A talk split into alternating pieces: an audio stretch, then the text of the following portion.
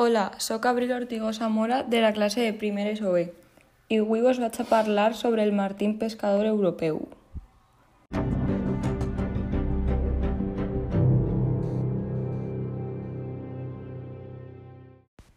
El martín pescador europeu és una vertebrada xicoteta, amb un plomatge de diferents colors, concretament blau, verd, ocre, taronja, roig i blanc. Té un pic allargat, negre i un cap bastant gran per al seu tamany. Les potes i la seva cola són molt curtes. Vola molt ràpid i per baix.